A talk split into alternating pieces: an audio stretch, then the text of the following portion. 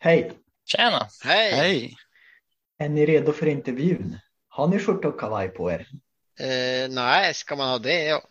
Ja, ja. Nej, jag får springa och se om jag hittar någon, någonting. Någon slips eller någonting. Jag ska ha Dix här. Alltså, jag är så fruktansvärt nervös. Vad menar du? Vi ska väl inte snacka med kungen? Nej, men, alltså jag vet inte hur man intervjuar folk. Alltså, sista gången jag intervjuade någon, det var i Slussfors på skoltidningen. Mattanten och det var tre frågor. Alltså det här kommer aldrig gå. Äsch, det är enkelt. Det är bara att tänka på samtalsmetodiken. Du vet, i min utbildning har jag lärt mig att det är bara att ställa sokratiska och öppna frågor. Du ska se att det här går bra. Ja, vi är dömda. Men nu kör vi. Slipsen på, nu kör vi!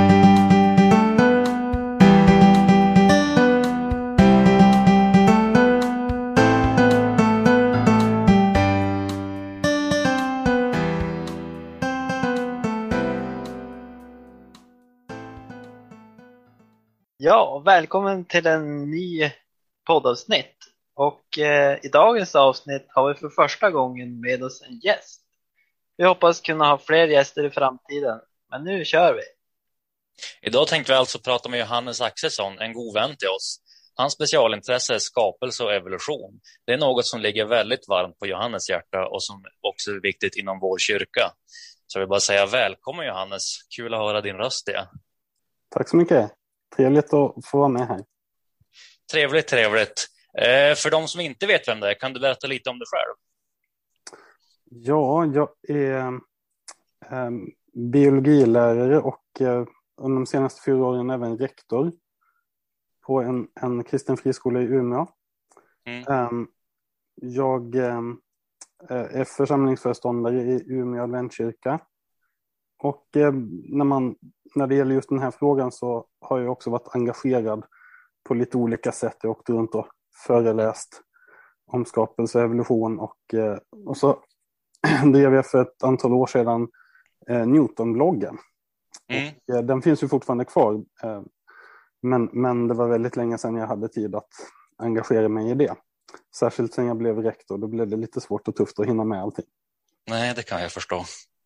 Det var ju som att det var ju rätt mycket du skrev varje dag där ett tag minns jag. Det var väldigt mycket. Det var väldigt spännande perioder och eh, jag lärde mig väldigt mycket. Både av folk som kommenterade och ställde frågor och ja, men särskilt frågor. När någon kom med en invändning så fick man ju gräva lite djupare och då lärde jag mig supermycket. Och Ja. det, det, det, det roligaste jag lärde mig det var att det fanns ju svar på alla de här kluriga frågorna. Ja. Man bara grävde lite grann. Ja, det behövs faktiskt inte så mycket när man väl har börjat i det. Det har jag märkt själv också. Det, vad heter det? Eh, det är väldigt intressant faktiskt. Mm. Så vi har några frågor här till dig faktiskt. Och Anton, om du vill kan ju du börja faktiskt. Mm. ehm, varför är du speciellt intresserad i de här frågorna som rör skapelse och evolution? Liksom, vad, vad, vad är det som har fångat ditt intresse speciellt? Ja, jag vet inte när det började, men det känns som att jag alltid har varit väldigt intresserad av naturvetenskap och historia, båda de grejerna. Och Mm. eh, ja, men då uppstod det väl på något vis en, en konflikt när man då i skolan började förhöra liksom, det här perspektivet som, som, som jag inte var eh, kände att jag riktigt höll med om. Och eh, då blev det en, inleddes ju då en process när jag, när jag försökte lösa det här. Där jag skulle säga att om jag hade kommit fram till att nej men, eh, det här med evolutionsteorin, att, att det är vattentätt och det, och det håller ju och, och skapelsetro, det finns ingenting med det, då, då hade jag förmodligen eh, valt den linjen och, och, och, och inte representerat skapelsetro som jag gör nu idag. Eh, men intresset är framförallt att jag gillar skarpt liksom, naturvetenskap. Och jag, jag är ju NO-lärare och biologilärare som sagt. Så det, det har alltid varit ett stort intresse, de här frågorna. Mm. Men eh, om du skulle försöka sammanfatta huvuddragen i de olika argumenten. Alltså för någon person kanske som lyssnar som inte liksom så här, vad är skapelse evolution? Vad handlar det om? Vad är, vad är själva problemet? Um, om man säger så här, evolutionsteorin är den som eh, undervisas i skolorna idag. Och inte bara i skolorna, redan långt innan man börjar i skolan så, så får man ju lära sig genom barnprogram och annat att, att jorden är många miljoner och eh, faktiskt flera miljarder år gammal. Mm. Um, och eh, att det då har skett, skett en utveckling från encelliga organismer till allt det liv, all den mångfald som vi har idag. Och att det här då kan beskrivas med naturliga processer, alltså att det inte behövs någon gud eller någon övernaturlig kraft som, som ingriper. Um, och, och agerar i den här skapelsen. Och, så, så det är den som jag tror att alla, eller bör, alla bör ha fått med sig i skolan. Uh, och om man någon gång har läst i, i första Mosebok eller hört talas om, om vad det står i Bibeln så märker man att det finns en, en väldigt stark kontrast mellan de här två perspektiven. För att Bibeln säger att jorden skapades på sex dagar eh, och att det inte var speciellt länge sedan, utan att det var kanske eh, ungefär 6000 år sedan.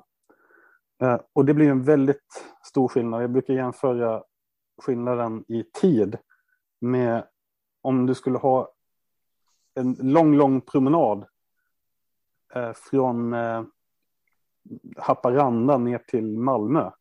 Mm.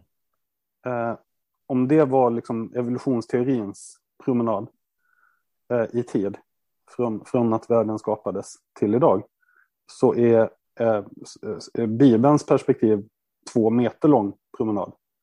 Så det, det, är två väldigt, väldigt olika perspektiv bara när man tittar på den med tiden.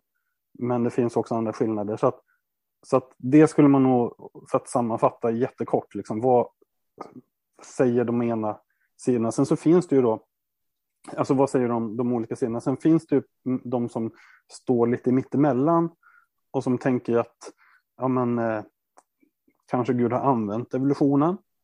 Mm. Så finns det de som, som säger att ja, men, jag tror att, att Gud eh, skapade och att de här sex skapelsedagarna var långa tidsperioder och så vidare. Men den som jag själv har landat i och som jag själv tycker är mest både rimlig och, och, eh, och, och bästa då förklaringen det är att, att det faktiskt är så som det står i Bibeln och, och varför jag kommit fram till det, det är eh, egentligen vetenskapliga argument som, som gör att jag framförallt eh, liksom har, har valt, eh, har valt eh, detta och, och, känner mig övertygad om det. Mm. Mm. Om vi går lite djupare då, Noel, du, du tänkte på någonting. Om vi går lite djupare in specifikt.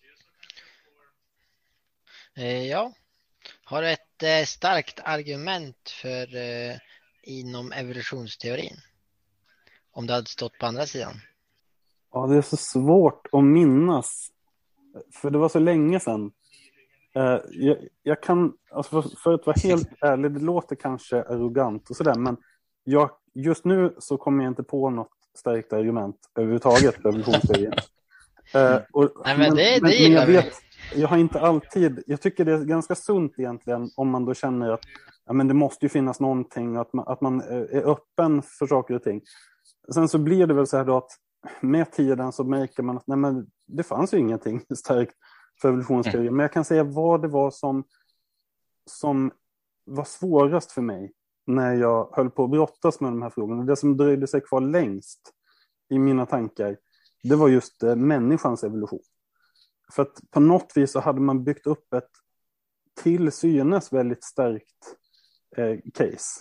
Och, och, det tog ganska lång tid innan jag förstod vad det var som var problemet och, och vad det här korthuset kring människans evolution och släktskap då till, till eh, en gemensam förfader mellan människor och apor. Att när, när jag då liksom till slut upptäckte var, var, var det var eh, det här korthuset liksom föll så, eh, och, och var svagt så, så eh, ja, eh, den processen var ganska så, ganska så lång och det var inte så lätt att, för mig att upptäcka det och känna mig helt övertygad om mm. argumenten. Så kanske om man skulle säga, jag kan, kan nog tänka mig att det är många som känner att, att just den biten är, är, är ganska så, eh, upplevs ganska så stark. Eh, kan också tänka mig att någon upplever det här med radiometrisk datering och dateringsmetod, att man, ja men är det inte bevisat att världen är så, så här så här gammal? Eh, eftersom det är någonting som man har blivit matad med under väldigt, väldigt lång tid. Så att man är så van vid att tänka att världen är miljarder år gammal. Då helt plötsligt säga att nej, den är bara några tusentals år gammal. Det, det blir ett lite för stort paradigmskifte för de flesta. Så var det inte för mig. För mig var det här med människans eh, tilltänkta evolution. Ja, Nej, det är det som de har använt mest, alltså varför det inte skulle ha funkat. Det har jag också hört mycket. Att just det här att, den ska vara, att om jorden ska vara gammal, alltså så otroligt gammal som de säger. Det är väl det som man har hört mest i skolan också. Mm. Faktiskt. Nu, nu försvann Nathanael här, men han, hans eh, fråga var eh, och motsats av vilket argument är starkast för skapelsen? Eller vad, vad kan vara mest övertygande där då? För du nämnde ju lite att du, att du, ja men du har ju tänkt igenom och så, men är det något speciellt som är liksom lite så här grädden på moset? Jag, jag tror att det som övertygar både mig och, och de flesta, det, det är komplexiteten i, i allting som är skapat. Alltså man säger, vill, om någon frågar efter ett bevis på, på eh, att världen är skapad så kan man egentligen säga vilken organism som helst eller vilket organ som helst, vilken, alltså en cell överhuvudtaget är ett bevis på att det här måste ha blivit till på något övernaturligt sätt. Det måste finnas en skapare. Det här kan inte ha blivit till genom naturliga processer. Eh, och det kanske inte det, det kanske kräver lite grann att man, att man sätter sig in i, i, i det här och, och försöker förstå hur funkar en, en cell. Men, men eh, ganska så snabbt så ser man så komplexa strukturer så att man, man, man skulle kunna, jag, jag tycker inte man överdriver egentligen om man säger att det är omöjligt att det skulle kunna bli till. Alltså tidigare pratar man lite grann om sannolikheten att den är väldigt, väldigt liten. Men, men, men jag, jag tycker att man ganska så rättframt kan säga att det är omöjligt att det skulle kunna bli till genom naturliga processer. För det har ju det också att eh, allting måste ske samtidigt för att det ska kunna hända. Eh, precis, när du har flera olika proteiner som ska samarbeta med varandra och eh, när man dessutom tänker på att proteinerna byggs med hjälp av den genetiska koden DNA. Och eh, DNA, den hanteras och kopieras och tolkas utav proteiner. Så att det är som att man brukar säga att det, det är små robotar i kroppen som bygger robotar med hjälp av en ritning som de läser. Men varifrån kom den första roboten? Och det är alltså väldigt, väldigt, väldigt komplexa strukturer som vi pratar om de här. Det, det är inga eh, kanske i läroboken så kan man nästan få intrycket att DNA-molekylen öppnar sig själv och så åker det in lite saker och så ja, sker det nästan av sig självt. Men, men, men, men det är alltså maskiner som jobbar. Det är små robotar inne i kroppen, i, i varenda cell. Massor med sådana här kemiska reaktioner som sker hela tiden. Uh, så det, det, ja, men det är väldigt tydligt att det, um, det, alltså det blir svårare och svårare för de som vill vill hävda att, att det här har uppkommit genom naturliga processer. Blir svårare och svårare för dem att förklara eh, ens hur man ska börja. Och när man då tänker på hur många celler som finns i kroppen så blir det ganska otroligt. Ja, eller kanske snarare hur de här cellerna samverkar med varandra. För att när du väl har en cell då, då, och den är liksom förprogrammerad med allting så kan ju den dela sig och specialisera sig. Det är ju det som, det är så livet börjar. Alla börjar ju som en enda cell. Men, men det häftiga är ju att den cellen har en sån stor potential att den kan bli öga och ben och hjärnceller och att allt det här kan sättas ihop på ett så fantastiskt sätt och, och, och bli till, till, till, till dig, till oss, till, till en, till en människa. Eh, och det, det är väldigt mycket, eh, väldigt, väldigt komplicerat. Och då är det en del som säger att jaha, men om argumentet att det är komplext, eh, eh liksom, behövs det kanske inte egentligen bara lite mer tid för att få till det hela eller, eller behöver vi bara studera saken lite närmare så att det, man brukar kalla det för att, att det är ett argument from ignorance. Att liksom att, så du vill bara säga att eftersom vi inte vet så måste det vara Gud. Men, men eh, det är snarare så här att, att man har försökt förklara det här. Man trodde först att cellen var en liten geléklump. På Darwins tid så trodde man att cellen var en liten geléklump. Och sen så börjar man förstå mer och mer vad det är för någonting. Och det är inte så här att ju mer vi hittar om hur en cell funkar, desto mer börjar forskarna säga, aha, nu förstår vi hur det här har utvecklats. Utan det är precis tvärtom, ju mer vi hittar, desto svårare blir det att ens föreställa sig att, att det skulle gå. Även för de som inte eh, tror på biblisk skapelse eller, eller överhuvudtaget har någon religiös tro så, så, så känner man att nej men det här går ju inte, det här är ju designat. Så det blir en rymdvarelser istället som kan ha designat det. Men tänker sig att de rymdvarelserna i sin tur måste ha blivit till genom några naturliga processer. Jo, det har jag hört, ut, det hörde jag inte för så länge sedan faktiskt, utomjordingar. Att de satte till, eh, att de kom till en pöl då på jorden och vet du det, tryckte ner alla celler, sen åkte de därifrån. Ja. En, eller en teori, nu sätter jag det inom situationstecken för att, eh, ja. Men det är rätt kul när de ska jo. försöka förklara just det. Det är lite som att um, man säger a long, long time ago in a galaxy far, far away. Att det är lite lättare att, alltså eftersom vi har svårt att tänka oss hur det hände på jorden. Men då säger vi att det hände för jättelänge sedan på ett ställe som vi inte ens kan studera. Och då är det ju inte naturvetenskap alls längre. Om vi säger att okej, okay, jorden har inte de här förutsättningarna för att livet skulle kunna uppkomma. Men det kanske finns en annan planet där livet skulle kunna uppkomma. Men hur kan vi undersöka den planeten då och de förutsättningarna? Finns det ens någon, några optimala förhållanden vi skulle kunna föreställa oss för att liv skulle kunna uppkomma? Och, och, och det är liksom, ja, det är ju bara egentligen då science fiction. Uh, vi skjuter på problemet till en tid som är bortom vår uh, faktiska möjlighet att bekräfta någonting överhuvudtaget. Nu är vi väldigt tysta här, men det är för att det här är fruktansvärt intressant. Jag hoppas ni också tycker det, ni som lyssnar. Så det kommer mest Johannes som pratar här, tror jag. men när du presenterar de här äh, argumenten, vilka reaktioner får du av folk? Um, ja, det är ju väldigt olika. Och eh, en del blir väldigt glada för att eh, det, det, stämmer överens med vad man, vad man eh, själv har tänkt och funderat på och kanske haft lite på känn att men kan det verkligen vara så? Det här låter ju så konstigt och ologiskt. Då. Ehm, I många fall kanske det är att man vill få bekräftat liksom det man, att, att det man tror på är sant.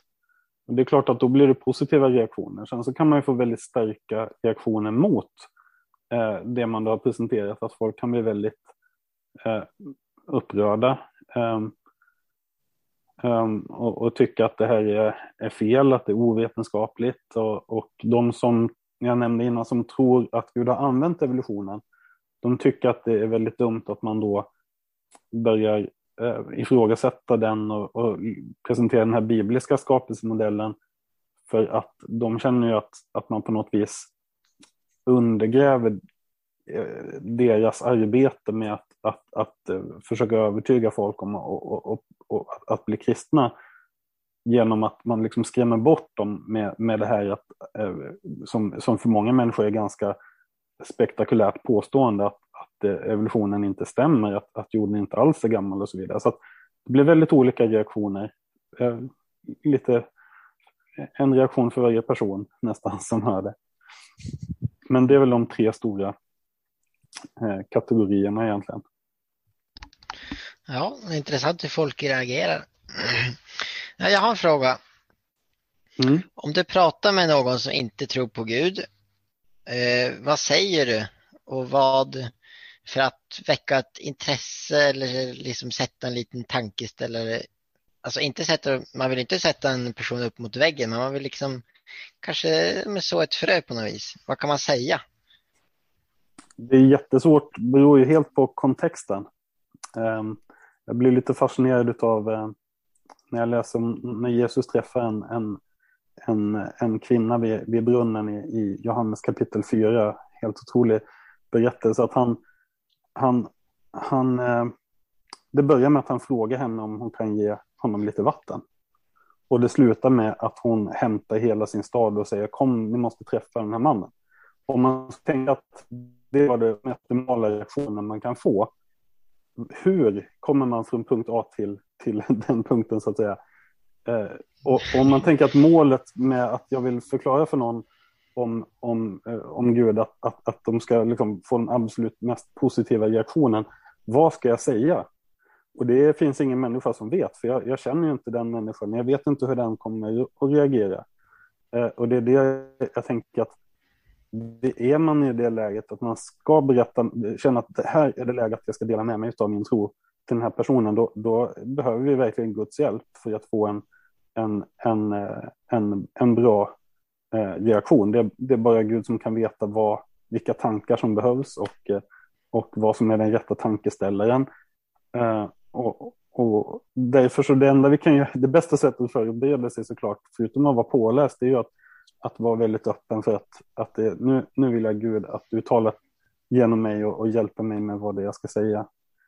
Uh, men jag kan säga så här också att när jag har varit i sådana här sammanhang där jag står vid ett bord på universitetet och ska representera skapelsetron, någon kommer fram till mig och de redan vet liksom vad det handlar om. Att okej, okay, men vänta, så du tror på, på skapelse, alltså att Gud har skapat världen. Du, du tror alltså inte på evolution. Jag hade någon gång en, en, en, en skylt där det stod så här, question evolution, liksom att vi måste kunna ifrågasätta evolutionen. Och då när de kommer fram och liksom har tagit det här första steget och säger okej, okay, jag är intresserad av det här, vad, vad har du att säga? Då brukar jag först fråga dem, vad pluggar du för någonting?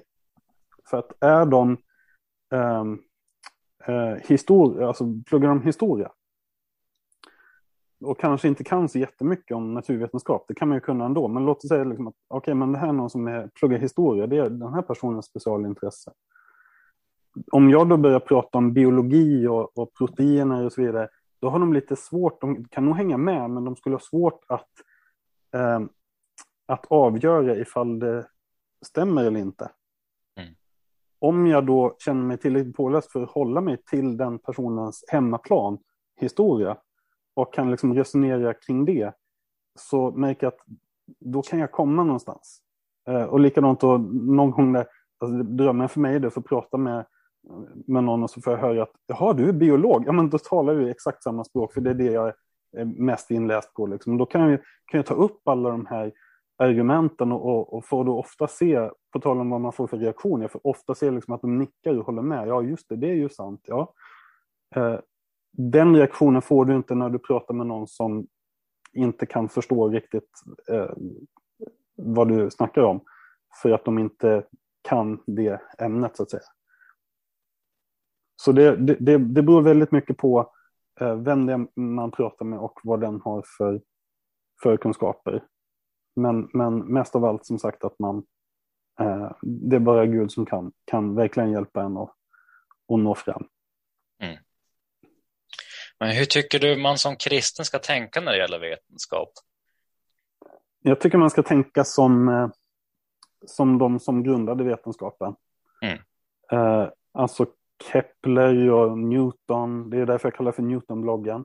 Den här bloggen som jag har. Och eh, eh, Galileo Galilei och många andra som var med liksom där på 15, 16, 1700-talet när man började verkligen med det vi idag känner igen som vetenskap. Alltså att man mm. prövade saker med experiment och beräkningar. De gjorde ju det utifrån, inte så här att de hade sin tro som en liten grej vid sidan av tradition, utan det var deras tro som inspirerade dem att okej, okay, nu ska jag upptäcka hur Gud har tänkt. Och bara överhuvudtaget att det ska gå att studera världen med vetenskaplig metod och med experiment, det, gjorde de, det kom de på eftersom de förväntade sig att Gud hade skapat världen. Alltså att världen var ordnad. Alltså innan det så var man filosofer och tänkte att nej men, det här kan vara sant ena gången och sen kan det vara så här andra gången. Det gick som inte riktigt att ta reda på någonting.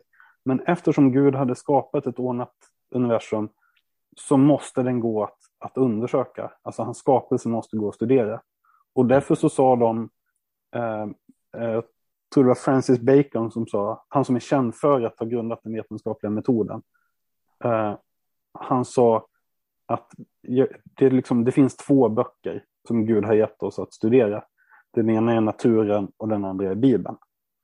Eh, och de här två menar jag då att om man väl förstår dem rätt så säger de aldrig emot varandra utan de talar samma, eh, berättar om samma sanning bara på lite olika sätt.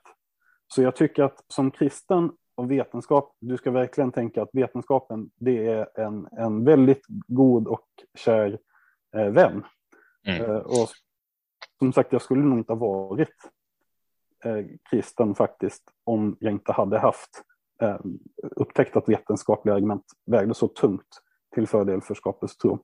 Ja, nej, för det är ju många, alltså, när man själv blev kristen och man var tidigare i livet, att eh, populärkulturen säger, man ska säga att eh, om du är kristen kan du inte vara vetenskaplig, men du, mm. du visar ju starkt motsatt att man visst kan vara det och det är väldigt viktigt att tänka på faktiskt. Mm. Är bra svar. um, Då har jag en fråga. Vi har ju pratat om det här förut, Johannes, minns jag, för, alltså när jag började gå tillbaka till kyrkan. Men jag tyckte, jag tyckte du svarade så bra så jag ville ta upp den igen. Och det är ju varför ska en kristen tro på skapelseteorin? Så dog inte Jesus och återuppstod oavsett. Alltså att oavsett om det hände, oavsett hur det gick till så dog ändå Jesus på korset. Mm. Så varför är det så viktigt för en kristen att engagera sig i just skapelseteorin? Om, man säger, om jag börjar med att säga varför är det viktigt att tro rätt, så att säga, ja. som kristen i det här. Uh, då tänker jag så här att Bibeln säger ju det här, att världen är skapad på sex dagar. Överhuvudtaget att världen är skapad av Gud och uh, den, den, berättar ganska mycket annat också om, om en översvämning och, och uh, om, om, olika grupper av djur och, och den, det här tidsperspektivet på, ja, som sagt, ungefär 6000 år. Mm. Um, och det här berättar inte Bibeln som en allegori eller liksom, det är inte alls liksom den här typen av skrift att det här är någonting, nu ska jag berätta en saga som kan innehålla en sensmoral, utan den berättar det precis som ett tidningsreportage eller liksom en, en ja, prosa kallas det här eh, skrivsättet, att det här har hänt. Precis som alla andra de här berättelserna i Bibeln. Det är klart, det finns ju allegorier. Jesus berättar liknelser och, och det finns ju sådana här grejer, men det är ganska tydligt i sammanhanget när man läser det. Det här är exakt, det här är vad Bibeln säger har hänt. Och då tänker jag så att om Bibeln inte kan ha, liksom, om Bibeln har fel när det gäller no, den enklaste typen av sanning man kan förmedla, nämligen vad har hänt? Alltså hur svårt är det att berätta vad som faktiskt hände och skriva ner historien? Det, det är det minsta man kan begära av en en inspirerad helig skrift, att den kan få fakta rätt i vad hände i, i, vid det här tillfället, så att säga. Även om det kan vara ganska svårt ibland, när man kollar på tidningar och, och så där. Det kan bli lite fel och lite motsägelse, men Bibeln, så, precis som ni var inne på i era tidigare episoder här, att de är väldigt överens, fastän det utspelar sig under, under många tusen år och flera olika författare, liksom att det berättar samma, samma eh, det är liksom inte massor med motsägelser. Men om Bibeln inte kan lyckas pricka rätt i det mest grundläggande, hur kan vi då lita på att Bibeln kan säga någonting om, om eh, moral? Alltså vad som är rätt och fel att göra. Hur kan vi lita på att Bibeln kan säga någonting om, om, om eh, livsstil och sådana här saker? Vad, vad, är, vad är sunt? Vad är nyttigt för oss? Hur kan vi lita på vad Bibeln har att säga om framtiden? Ifall vi inte ens kan lita på att den har rätt när det, när det gäller att beskriva historia, som liksom när den hände. Mm. Så det tänker jag att hela Bibeln, med det här vill jag säga att hela Bibelns budskap undergrävs om inte skapelse, eh, alltså berättelsen är, är sann, alltså det här, de här historiska grunderna. Um, sen kan man gå in på det här lite mer teologiska. Att, ja, men om, om Jesus dog för våra synder eh, och att döden var, som Bibeln beskriver, ett, ett främmande element i skapelsen. Alltså det, det, är någonting som blev fel. Döden är ett problem och synden är ett problem. Eh, och eh, synden kom in i världen på grund av Adam och Evas uppror så att säga mot, mot Gud. Men enligt evolutionsteorin så har ju det här lidandet har ju alltid funnits väldigt, väldigt lång tid innan det fanns någon människa. Mm. Eh, alltså då, då på ett sätt så undergräver ju det här också själva evangeliet och Jesu roll i det hela och vad var det han skulle rädda oss ifrån. Eh, så som man säger, Jesus stod och uppstod, stod, eh, det kan man, man kan ju tro på det i alla fall. Men jag har märkt att väldigt många människor som börjar med att tänka att ja, men kanske skapelseteorin och, och, och skapelseberättelsen inte riktigt stämmer. Det kanske finns lite fel här. Då fortsätter man lite på den banan genom sitt liv och börjar tänka att ja, men kanske det här med Jona, ja, det, det låter ju lite konstigt. Så det är kanske bara en allegori. Mm. Och till slut så är det inte Bibeln som blir en ska man säga, auktoritet i ens liv. Eh, utan istället blir det du som blir en auktoritet över Bibeln. Och, och till slut välj, är det du som väljer att vraka vad i Bibeln är, sant och vad är inte sant. Och då kan den inte längre fungera som vägvisare. Det är som en, en kompass som jag bara väljer att lita på när jag tycker att den pekar åt rätt håll. Mm. Den är inte till någon nytta för mig. Utan den är ju bara till nytta ifall jag känner att jag kan lita på den. Och därför så blir det väldigt viktigt att, att vara säker på. Eh, kan jag lita på min kompass eller inte? Stämmer den här med... Eh, eh, alltså törs jag lita på den här i en, i en krissituation?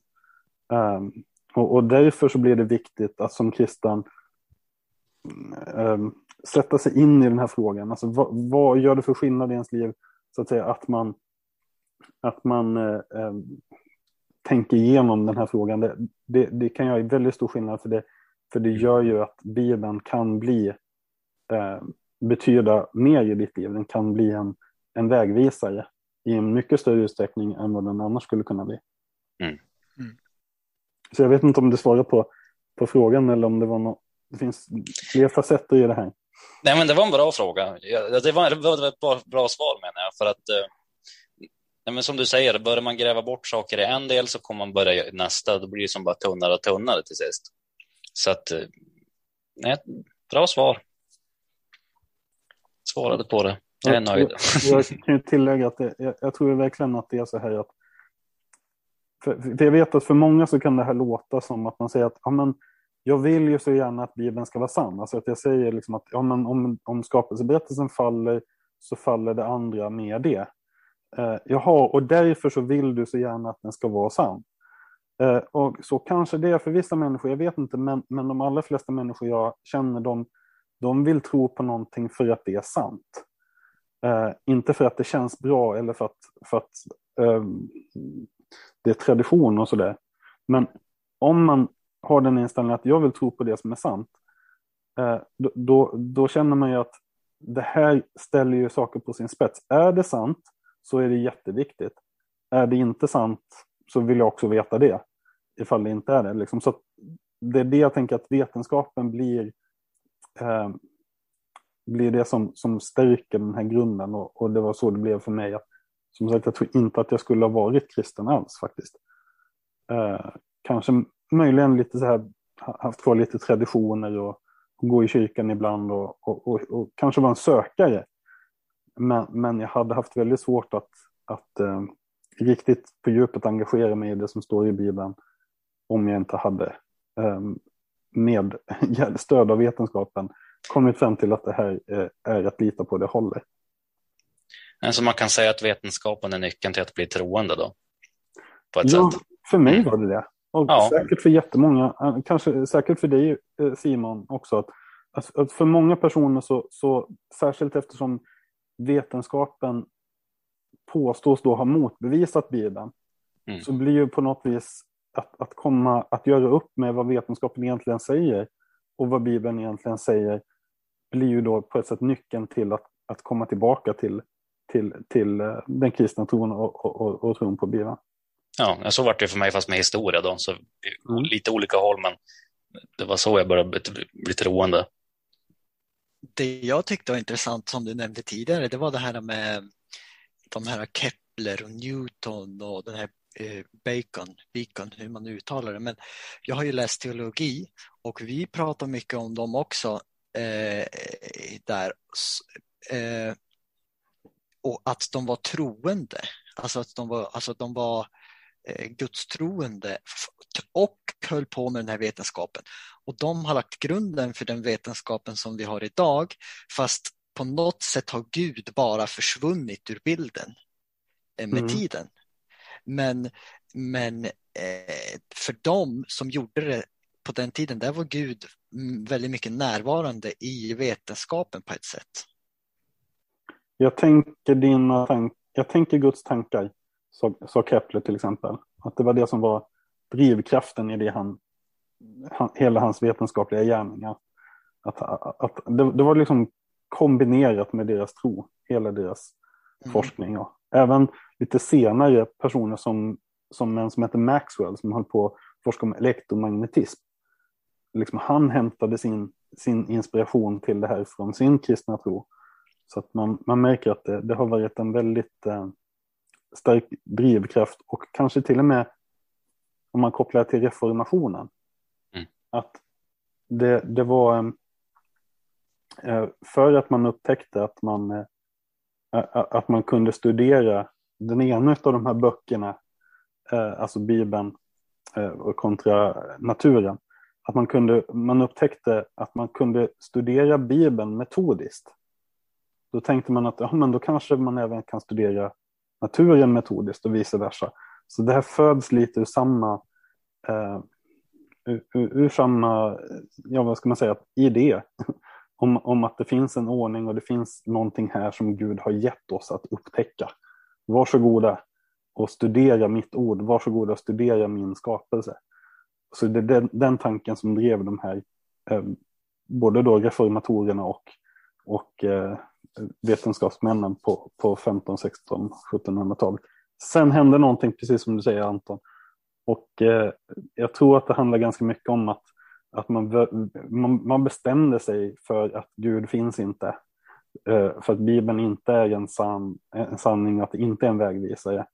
Till exempel så finns det han som var inspiratören till Darwin.